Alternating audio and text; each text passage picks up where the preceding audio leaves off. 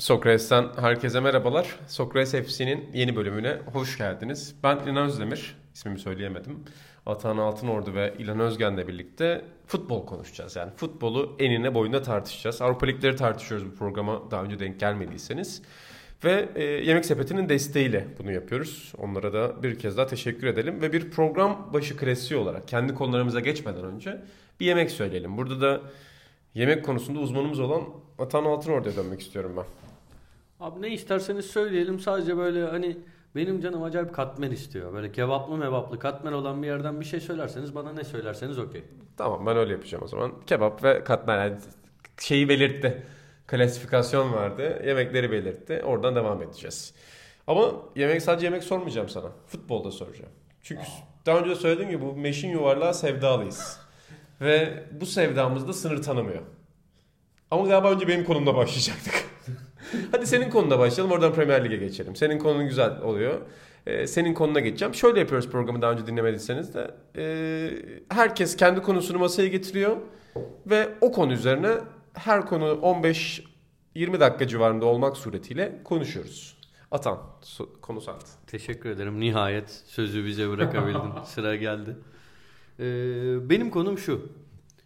Ee, bu geçen programda şeyi konuşmuştuk ee, PSG'nin transferlerinden bahsederken e, genç yaşta böyle paranın hükmettiği ligler var ya Çin, işte Amerika, e, Katar gibi, Suudi Arabistan gibi. Genç yaşında buralara giden oyunculara saygı duymak, duymamak üzerinden kısa bir e, girizgah yapmıştık. Bir yandan da şöyle bir şey var. Bu arada ben de hani tarafımı buna çok saygı duymayan ee, Sen çok saygı duymazsın zaten genelde. Yani çok şey kışkırtıcı bir spor figürüsün. Yok ben yeri geldiğinde saygı duyuyorum. Şimdi uzatmak istemiyorum. Ben sa- saygı dolu bir insanım aslında. Ee, bir yandan da şu var. Bu ligler bayağı bir gelişim kat ediyor. Şu anda hatta oynanan Asya Kupası final maçında Katar 2-0 önde Japonya karşısında ki Katar geçti ne oldu söyle. Tam olarak baktı mı belki gol oldu arada. Devre arası oldu biraz önce. E, mikrofonlarımız e, Asya kıtasında. E, ki Katar geçmiş yıllarda bunu böyle 7-8 tane devşirme oyuncuya rağmen yapamıyordu. Şu an kadroda zannediyorum Portekiz asıllı bir tane devşirme oyuncu var. Gerisi Katarlı. Asya Kupası'nda şampiyonluğa gidiyorlar. İşte MLS'in e, bu sezon ki toplam transfer ihracatı e, lig kurulduğundan bu yanaki en büyük rakam hatta en yakın takipçisinin iki katına çıkmış durumda. Bu son transfer döneminde yaşananları. Sizce yani size sorayım. Sizce bu liglerin e, yükselişi neden kaynaklanıyor? Ya ben ne kadar yükseldiler onu da kestiremiyorum. Yani şimdi Katar milli takımı oraya gider ya da Amerika'da e, ithalat olur ama e, ihracat olur ama Hani bu oyuncu yetiştirme ya da pazarlama kısmındaki gelişme mi yoksa ligin gelişmesi mi onu tam bilemiyorum. Yani yıllarca hala Brezilya Ligi çok saygı duyulan bir lig değil ki ben de duymuyorum ama baktığınızda dünyada herhalde en çok oyuncu pazarlayan yerdir hala. Ee, bilemiyorum açıkçası yani tam o kararı verebilir miyiz emin değilim. Yani mesela şöyle bir şey Katar milli takımının yükselişi ki hani bunlar hep yerel liglerinde oynayan oyuncular ya çoğu ya hepsi yani bakmadım bilmiyorum da ee, büyük çoğunluğunun öyle olduğunu biliyorum en azından. Bu oyuncuların bu seviyeye gelmesi ligin kalitesini göstermez mi? Bu arada hani şey açısından planlama MLS'e baktığımızda e, şey planlamasını görüyoruz. E, bir e, hedef belirlediler anladığım kadarıyla. Güney Amerika'daki genç oyuncuların ilk durağı olmaya başladılar.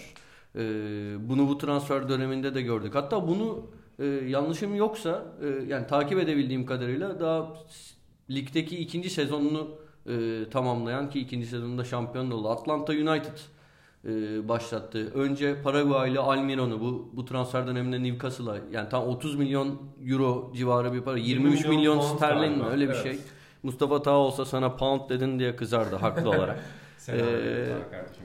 E, Sonra Barco diye yine Arjantinli ve geleceği çok parlak görünen, çok yetenekli e, birini aldılar. İşte bu transfer döneminde e, yine hem işte River Plate'le e, çok başarılı olan Gonzalo Martinez, Piti Martinez diye geçen işte Marcos Lopez bu tür oyuncular da lige gitti. E, daha sonra bu oyuncular MLS'i basamak olarak kullanıp transfer olabildiklerini de gördüler. Bu mesela bir strateji. Diğer yandan seyirci ortalaması yine burada bu arada Atlanta'nın çok büyük katkısı var. E, rekorları hep onlar kırdı. Yeni statla birlikte ama seyirci ortalaması giderek yükseliyor. Yani böyle oldukça bu hakikaten stratejinin ürünü ve başarı gibi görünüyor bana.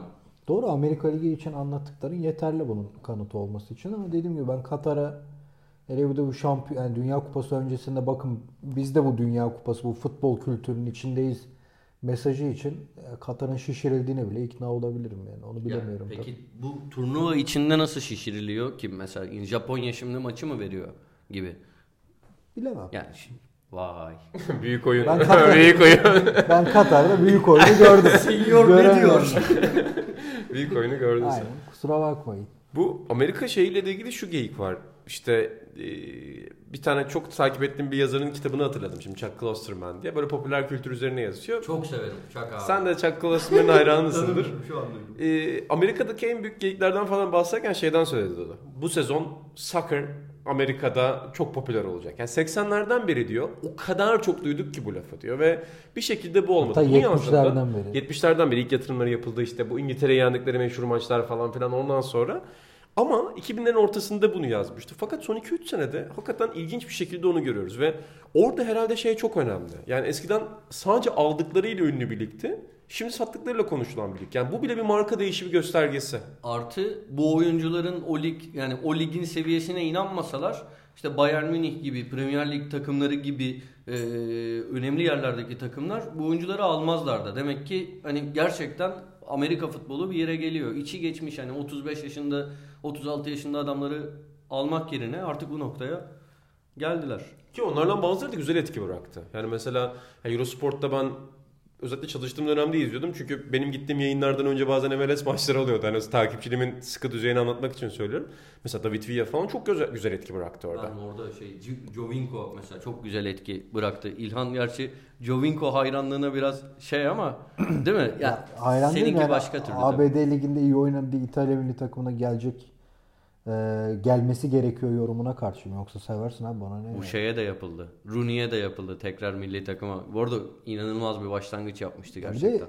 zaten bence Amerika futbolu iyi vaziyette bu arada. Yani Dünya kupalarını falan bu son kupada yoklar da öncesinde gidip bence önemli sorun çıkaran takımlardan biri olmayı başarmışlardı. İşte Dempsey gibi daha önce dün konuştuk hatta Reyna gibi uluslararası kariyer yapan adamları vardı. Reyna'nın oğlu da galiba uluslararası Oyuncu kariyer yapacak. Dortmund'a şeyinde bence gayet iyiler zaten.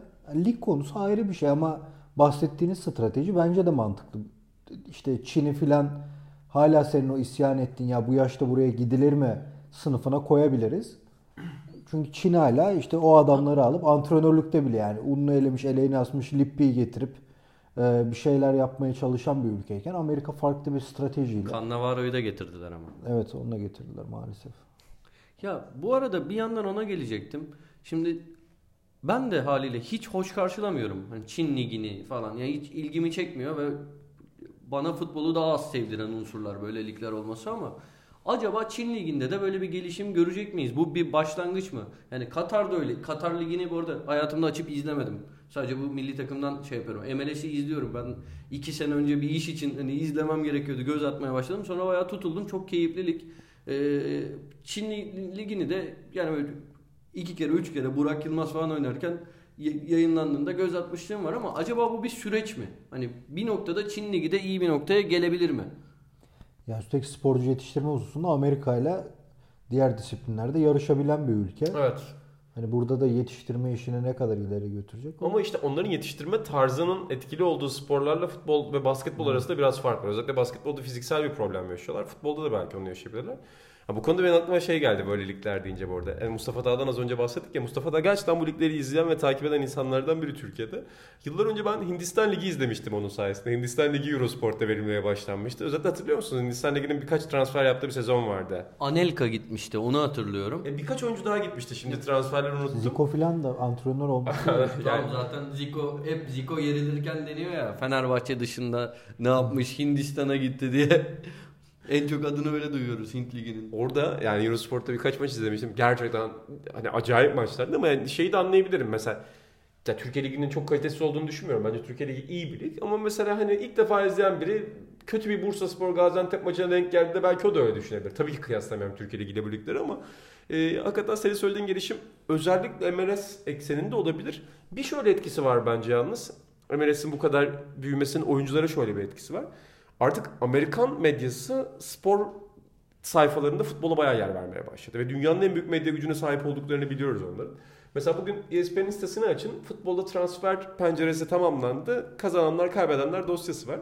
Kazanan ilk takım kim mesela biliyor musunuz? Newcastle United. Yani transferin kazananı olarak Newcastle United ilan etmişler. Neden? Almiron'u aldılar diye. Ha, tamam aldım. tamam, ben maddi kazanç diye Yok. düşündüm karda da Almiron hakikaten canavar topçu ya. Ya e, öyle olduğunu yani sizden duyduğum kadarıyla öyle- olduğunu bir şüphem yok ama bu bile yani Almiron için ESPN'in bir onun adına makale yayınlaması ya da bir Amerikan sitesinin onun arkasında olması bile çok önemli bir reklam. Yani oyuncular aslında bundan sonra daha da fazla oraya gidebilirler kendilerini göstermek ve orada bir şeyler çıkarabilmek adına. Deyip Bir MLS. MLS dosyamızı yavaş yavaş kapatıyoruz. Ondan sonra Yani Amerika Dünya Kupası'nı sükse yaptığı anda akıllara tek isim gelecek Türk basını için. Yok burada Bana atağını bizim bulun. ustalarımız var. Spiker maçları anlatan. Biz Buğra Balaba'nın falan anlatımıyla izliyoruz burada. Aslında keşke konuk ses olarak çağırsaydık Buğra anlatsaydı. Bir golü anlat. Ama gerçekten yani şey burada geliyorum mesela maç izliyorum akşam geliyorum sabah Buğra ile konuşuyorum onun verdiği bir ya gerçekten izlenecek bir lig bence yani bir bir de böyle bir şeyler aşınmamış ya gerçekten böyle hakikaten böyle ya bütün renk, renkler hızla kirleniyordu. peki tamam klişeleşmeye başladıysa üzüldüm. ben de kendimden soğudum bu güzel anlatamadım MLS'ten sıradaki konumuza geçelim. Peki Amerika futbolu demişken Pulisic diyeceğim de Pulisic diye okumadığını biliyorum. Pulisic diye okunduğunu biliyorum. Sizce e, Amerikan futbolu için ki İlhan Özgen de çok Amerikan yakından futbolu demeyelim orada. ABD futbolu için Ama Amerikan futbolu başka bir şey. Hmm. Sakın. ABD soccer için sizce itici güç olmayı sürdürür mü? Yani Chelsea'de azar giderse hakikaten orada İngiltere Ligi'nde banka oynayacak bir etki yaratır mı? Daha var. Yani izlememiz lazım. Bu şimdi şey gibi. Tahmin olacak. Yani öngörü değil. Yani izlememiz lazım. Net cevabım bu. Da hiçbir şey söyleyemeyiz. Yani cevabım şey. Hani bunu söylemek için erken. Daha erken. Doğru diyor. Yani benim de yabancı olduğum bir adam. Hatta bu Avrupa transferi olmasa demiştim yani ben görsem ulan bu çocuğu niye Hırvatistan'da oynatmıyorlar diyebilirdim. Hakikaten Amerikan vatandaşı olduğunu bilmiyordum yani. Bu da bizim Almanya Ligi'nin son yıllarda ne kadar uzaklaştığımızın Doğru hakikaten hani bizim de suçumuzdur belki ama bence Türkiye'deki yayıncılık ya da Alman liginin hani o İngilizlerin ve İspanyolların büyük işler yaparak kalkındığı dönemde Alman liginin İtalya'nın bile gerisinde kalması kafa olarak yöneticilerin onların da ayıbı var bizim de var ortak bir. E, Ozan Cansu'nun bizim bu sayıya yazdı işte Pulisic'le ilgili bir yazısı. O şeyden bahsediyor. Lucien Favre'la birlikte aslında bir adım atması beklenirken hiç adım atamamış. Ki Favre'ın aslında şey Lucien Favre mi diye okuyorduk Favre mi diyorduk? Favre'ydi galiba. Fransız. Ondan sensin. sonra. Ya bu arada ben çocuğu Dortmund'da falan biliyorum yani özetini falan izledim de ben çocuğu hep Hırvat sanıyorum. Ben A- Amerika tarafını herhalde Dünya Kupası'na falan da gelemediler ya başka ben Amerika'yı bir yerde izlemiyorum. Evet. Dünya Kupası'na da olmayınca tamamen ben bunu yeni fırlayan bir Hırvat olarak Ve gördüm. Ozan yani. Can şeyin altını çiziyor orada. Yani evet çok büyük bir hype'la geldi diyor. Yani bir ara ABD futbolu içerisinde yükselirken yine Atan kızacak.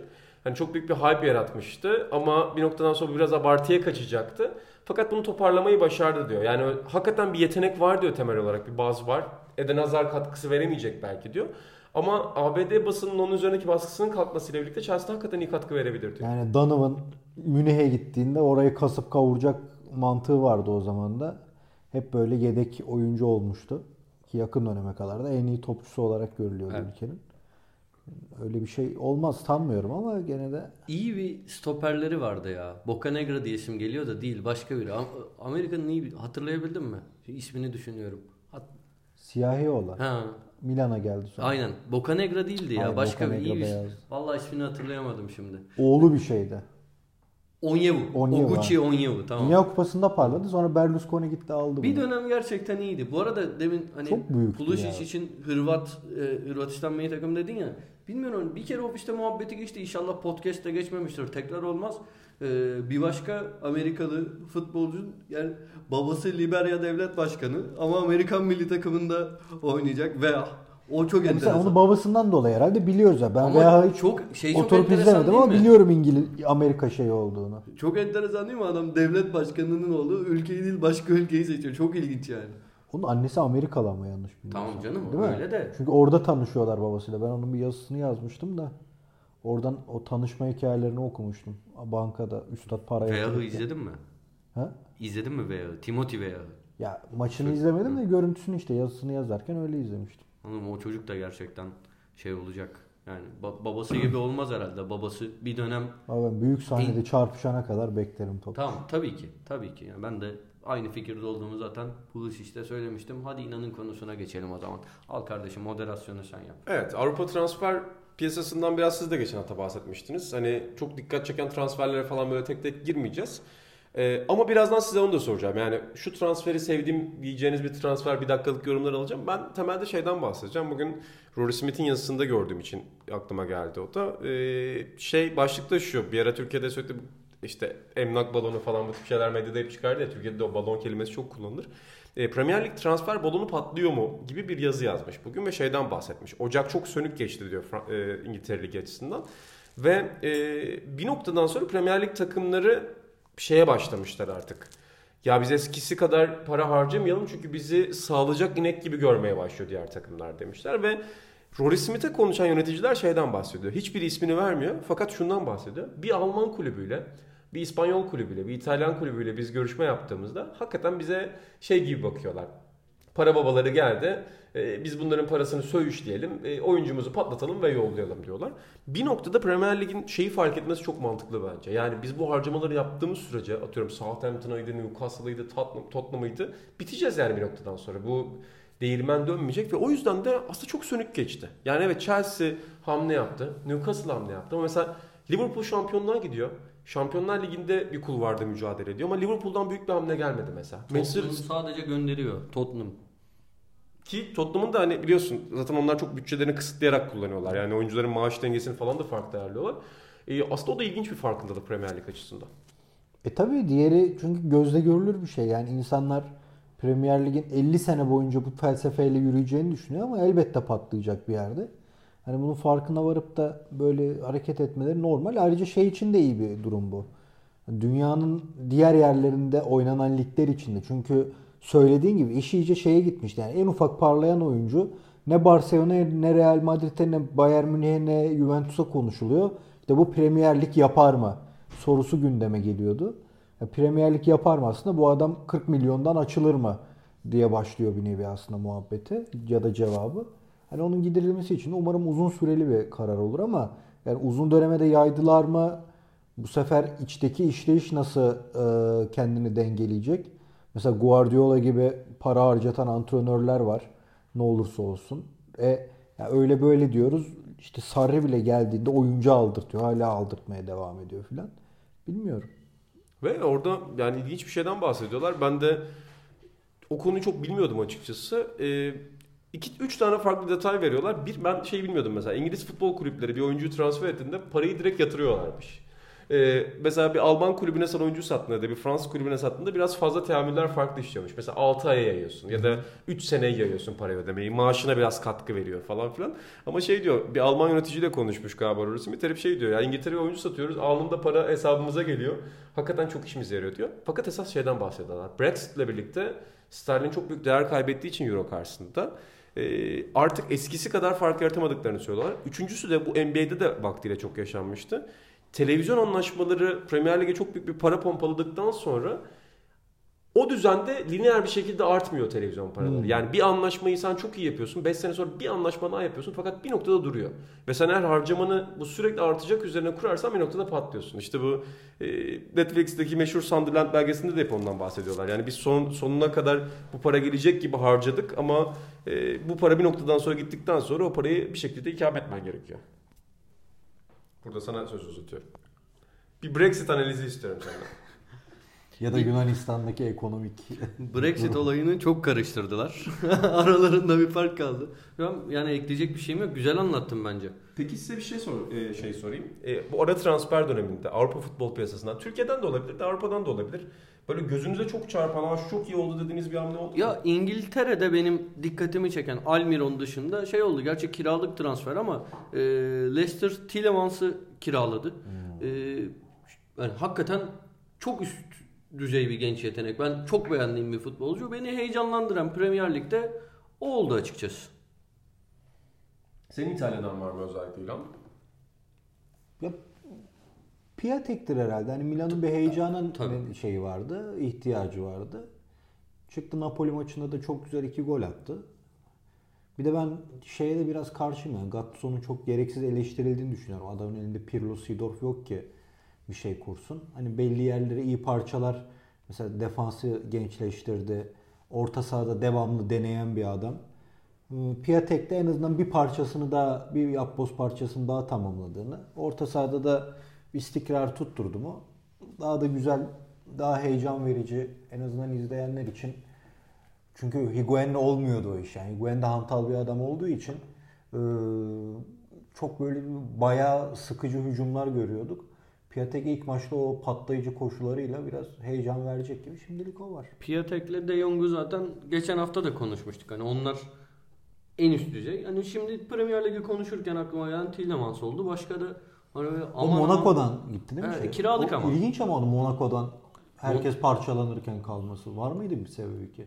Ee, bilmiyorum hani çok üst düzey orada üst yani. düzey potansiyel diye herhalde şimdi kiralama sebepleri de bilmiyorum hani takip etmedim ama tahminen hani Monaco kendi istememiştir şu haliyle bu Monaco. Evet sonradan girdi falan İyi bu, oynadı. Fena değil. İyi topçu. Genç de daha.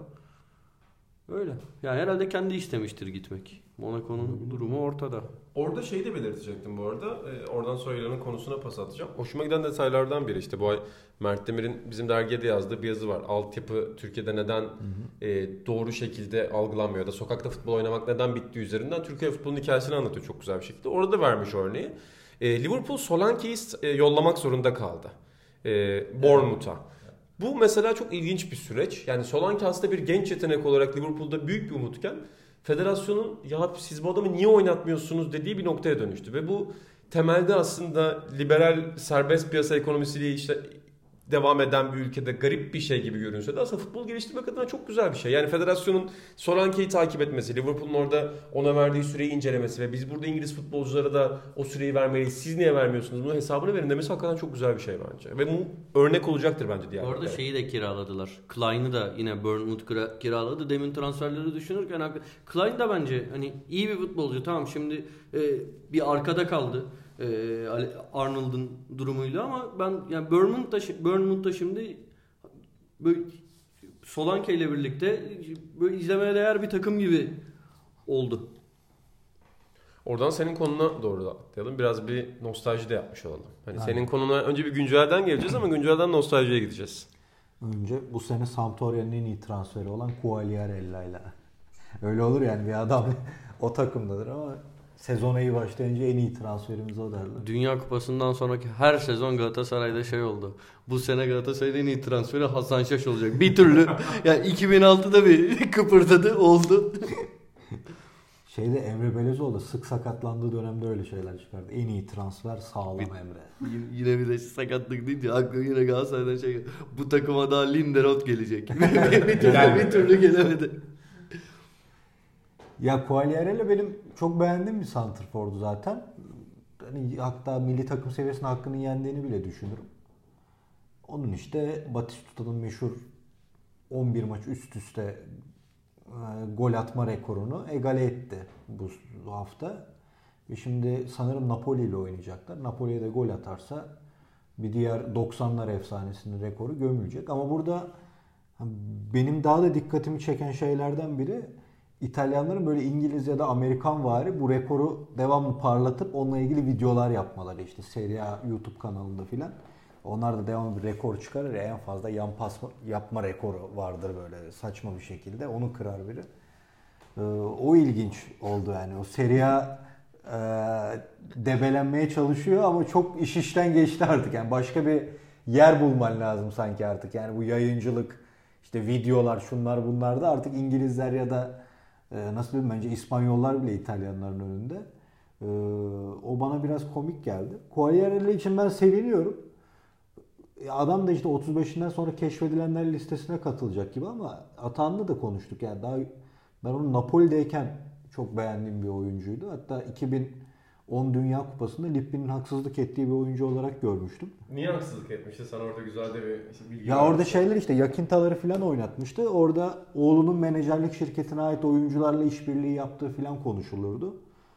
Ama hakikaten anlam verememiştim o zaman. Yani İtalya'nın erken elenmesi bir yana Quagliarella'ya hatta Slovakya maçında mesela girip muhteşem bir gol atmıştı. O gol bile ilk 5 turnuvanın en iyi 5 golüne alınmadı. Çünkü İtalya elendi. O maçla ilgili her şey unutuldu o İtalya son golü yediğinde. Hakikaten bence İtalyan futbol tarihine geçecek özel bir oyuncu. E Sampdoria'da da yeni nesle de bir şeyler bırakmak adına hani bir dönem izleyip de e, neydi be bu adam diyecekler var. Bir de yeni nesil geliyor şimdi alttan. Onlara da bir şeyler veriyor. Hani ben iyi adamım, ben iyi golcüyüm, iyi liderim gibi. Onun adına sevindim. Ama yani dediğim gibi Batistuta'yla ne kadar aşık atabilir genele baktığında ya da Batistuta çılgınlığında bir adam mıdır? Çünkü İtalya'da niyeyse öyle bir şey var. Yani on, onlarca forvet yetiştirmişler. Rivas'ından tut da Vieri'sine, Rossi'sine kadar bir ülkede artık çıkış yapan her forvet Batistuta'yla özdeşleşiyor. Mesela Belotti'ye de öyle demişlerdi. Capello hatta bence Batistuta'dan iyi diye artık antrenörlüğü bırakmasının ne kadar haklı bir karar olduğunu göstermişti. O da ilginç yani. Bir adamın, bir yabancının bir ülke futboluna mal olması bir dönemde hani adamın ne kadar büyük bir figür olduğunu da gösteriyor aslında. Mesela birçok iyi savunmacı da oynadı ama kimse herhalde karşılaştırmaz İtalya'da iyi bir savunmacı çıktı mı. Ya mesela Romagno ya da Bonucci kimse gidip de Döza ile falan karşılaştırmaz. Laurent Blanc'la karşılaştırmaz. Ama Batistuta'nın o etkisi çok garip İtalyan futbolunda. Maradona'nın benzer bir etkisi var mıdır? E o da var tabii canım aynen. Onunla da Napoli'de bir ara eşeğe bile karşılaştırıyorlardı. Yeni Maradona. O da ilginç. Ha, Bu arada ha, Batistuta'ya mı geçeceksin? Ondan önce Quagliarella'nın ben yani ilginç bir hikayesi evet var. ya ben de bilmiyorum. Programdan Anlattım. önce İlhan'a söyledim. Ben mi karıştırıyorum? Ee, İlhan bilmeyince ben şey oldum. Herhalde dedim ben karıştırıyorum ama denk gelmemiş. Ee, Napoli'den Juventus'a transferi öncesi ee, garip bir hikaye var. Taciz mektupları alıyor. Ee, yanlış hatırlıyor olabilirim. Ölüm tehditleri de var içinde. Ee, umursamıyor. Polise şikayet ediyor. Geçiyor gidiyor. Sonra bu mektuplar kulübe de gelmeye başlıyor. İçinde şey iddiaları var. Ee, şike yaptığı iddiaları var. Pedofili iddiaları var. E sonunda adam bunalıyor. Juventus'a transfer oluyor ki galiba Napoli taraftarı e, olmasına rağmen hatta Napoli taraftarı şey yapıyor. E, böyle koşa koşa bayıla bayıla gittiği için böyle gitmek isteyerek gittiği için cephe alıyor diye hatırlıyorum. Bazı küçük maddi detaylarda hata yapıyor olabilirim ama e, sonunda şey çıkıyor e, tacizci. E, normalde hani polise gidiyorlar şikayet ediyorlar ya hep şikayetler e, çekmecelerde kalıyor falan. Polisin kendisi çıkıyor ve tutuklanıyor adam. Böyle ilginç bir hikayesi var Quagliarella'nın. Ben de bunu şey gibi oldu biraz tam demin dalga geçiyorum romantik.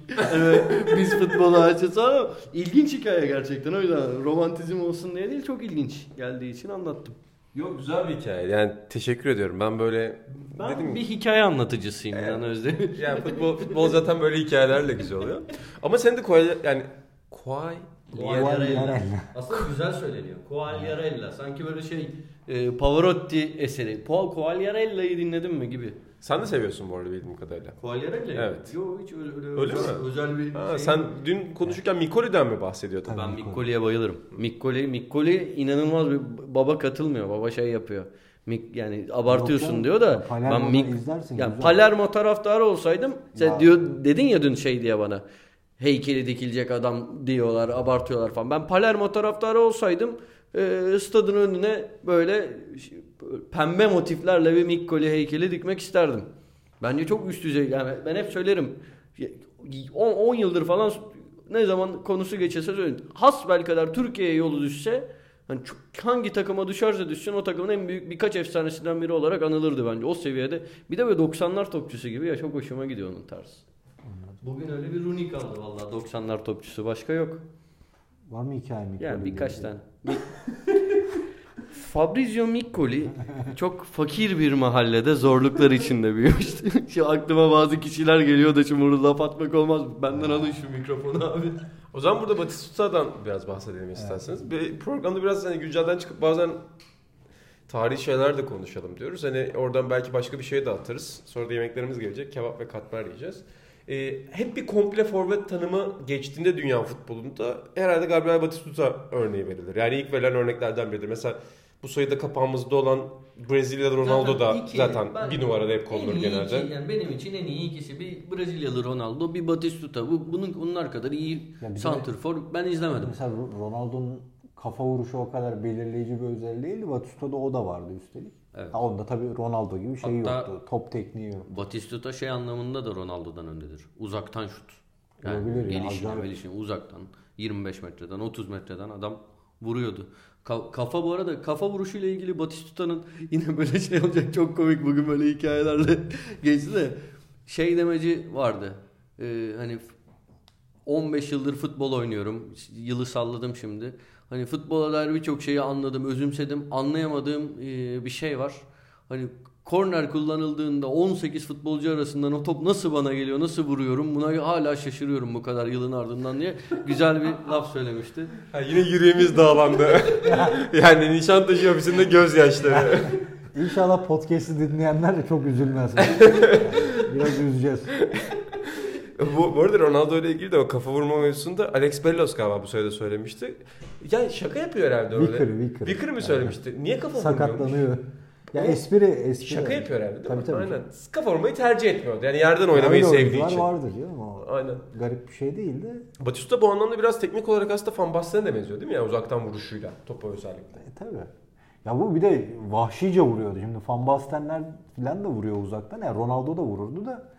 Ya bununki garipti böyle yani. Hani ölüye vurur gibi vurmak diye bir tanım var ya ona uygun bir adamdı.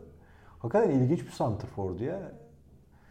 Garip adamdı. Ben imajının da çok etkili olduğunu düşünüyorum bugünkü gençler. Yani benim kuşağım üzerinde. Şimdi uzun saçlı, sakallı falan bir herif. Ben- Son sürat koşup topa Bu kadar güzel saçları olan gördüğüm tek erkek Sencer Yücel ve yani Batistuta'dan güzel saçları olan gördüğüm tek erkek ekibimizin bir parçası sayabileceğimiz Sencer Yücel'dir. Çok güzel saçları vardı. Bir şey anlatacak diye korkuyorum. Yok abi ne anlatacağım. Küçükken özellikle Gabriel Batista o saçları uzatırken dayak yemiş. Rosario'daki mahallesinde dayak yemiş. Bir Öyle de bir hikayesi var. sevmiyorum açıklaması vardı hatırlar mısın? onu? Tabii tabii. Eğer ben oynamıyorsam Dünya Kupası finali bile e, ilgimi çekmiyor. Değil mi? Böyle bir böyle öyle bir cümlesi vardı. Ki oynamadı da Dünya Kupası finali değil mi? Oynamadı, oynayabilirdi. Romanya'ya takıldılar, Hacı'ya takıldılar. O sezon oynayabilirler. olsaydı belki belki giderlerdi. İşte rakipte vardı. Maradona'msı bir oyuncu. Hadi bakalım. Peki Bence 98'deki takımları daha şeydi ya. Daha sağlam bir takımdı. O Hollanda'ya elenen.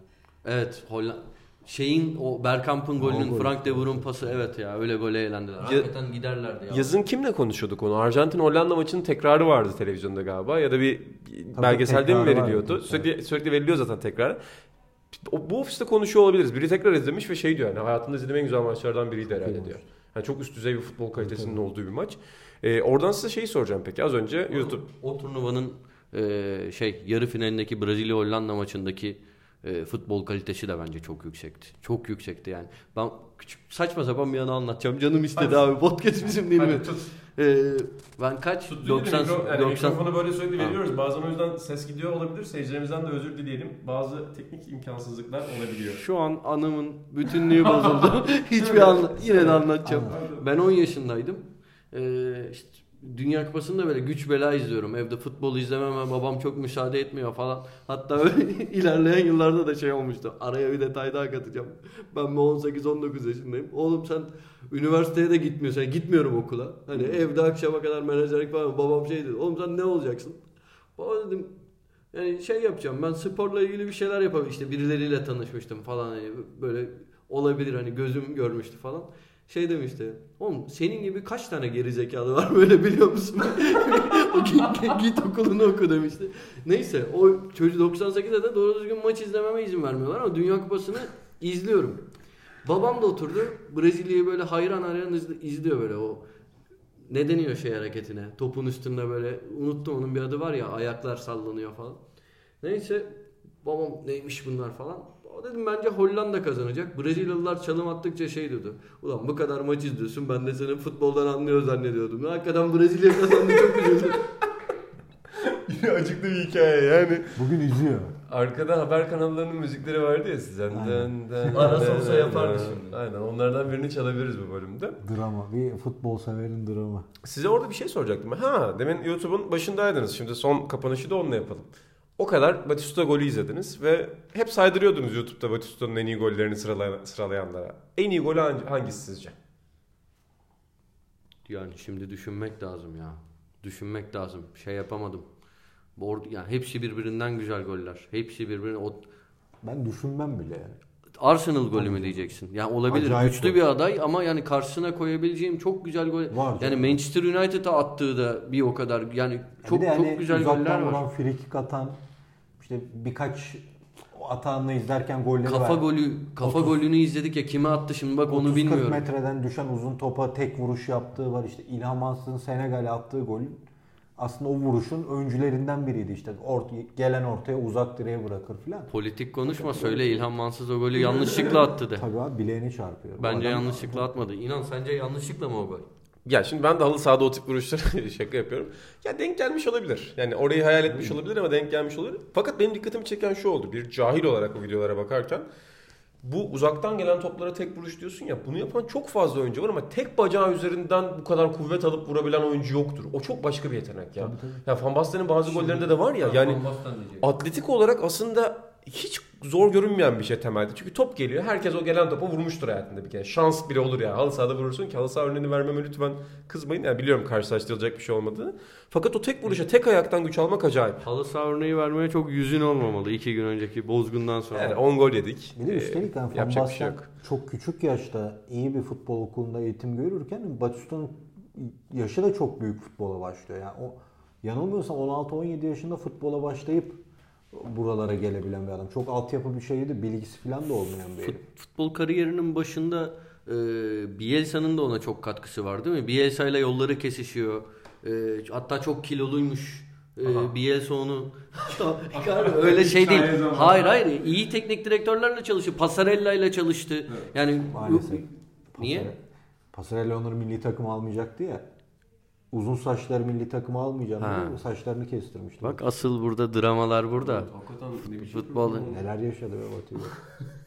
Yani Batistuta, Miccoli, Quagliarella, Amerikan futbolu, İngiliz futbolu, dram üstüne dram. Benim Arsenal'dir ya favorim. O gol çok iyi bence. Yani. Adamı neyle özetlersin desen o gol olur herhalde. O zaman kapatalım. Bu arada bir son dakika gelişmesi yok. Japonya Katar maçı 2-0 devam ediyor. Bunu da Yani oradan da gol haberi gel- gelmedi. gelmedi zaten bu podcast dinlendiğinde bu maç çoktan bitmiş olacak ama. Ama yine de insanlar bu maçın sonucunu biliyor olmayacak. Yani o yüzden rahat ol. Asya Kupası finali yani biz nasıl birer futbol dilencisiysek dinleyicilerimiz de tahmin ediyorum. Şaka yapıyorum. Tabii de çok fazla sonucunu takip etmeyen de ol, takip eden de olmayabilir. Yemeğimiz yavaştan geliyor. Sokrates hepsinin bu bölümünde geçmiş, gelecek ve bugünü farklı dramalarla, farklı hikayelerle bitirdik. Dur Atan tarzı bir hikayeyle bitireyim mi? Şimdi Bitir. aklıma geldi. Bu Batista'nın 11 maç üst üste gol attığı sezon sanırım 94-95 sezonu. Yanılmıyorsam. Dün sezonun gollerini izleyeyim dedim. 11 gollük serinin son maçı Sampdoria maçı. Quagliarella bugün hangi takımda? Sampdoria'da.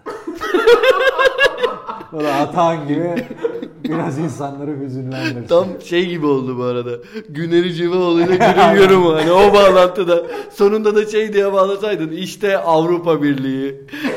işte ekonomik kriz falan deseydin. Türkiye'nin gündemi yoğun. Seçimde ne olacak? Göreceğiz. Bitti. bu, bu hikayeyi de unutmayın. Güzel bir son oldu. Kapat gidelim. Kapatıyorum. Ee, efendim Sokrates FC'nin ilerleyen bölümlerinde de 2-1 Japonya attı. Valla. Gol de gol. dakika Asya'da 69 Asya.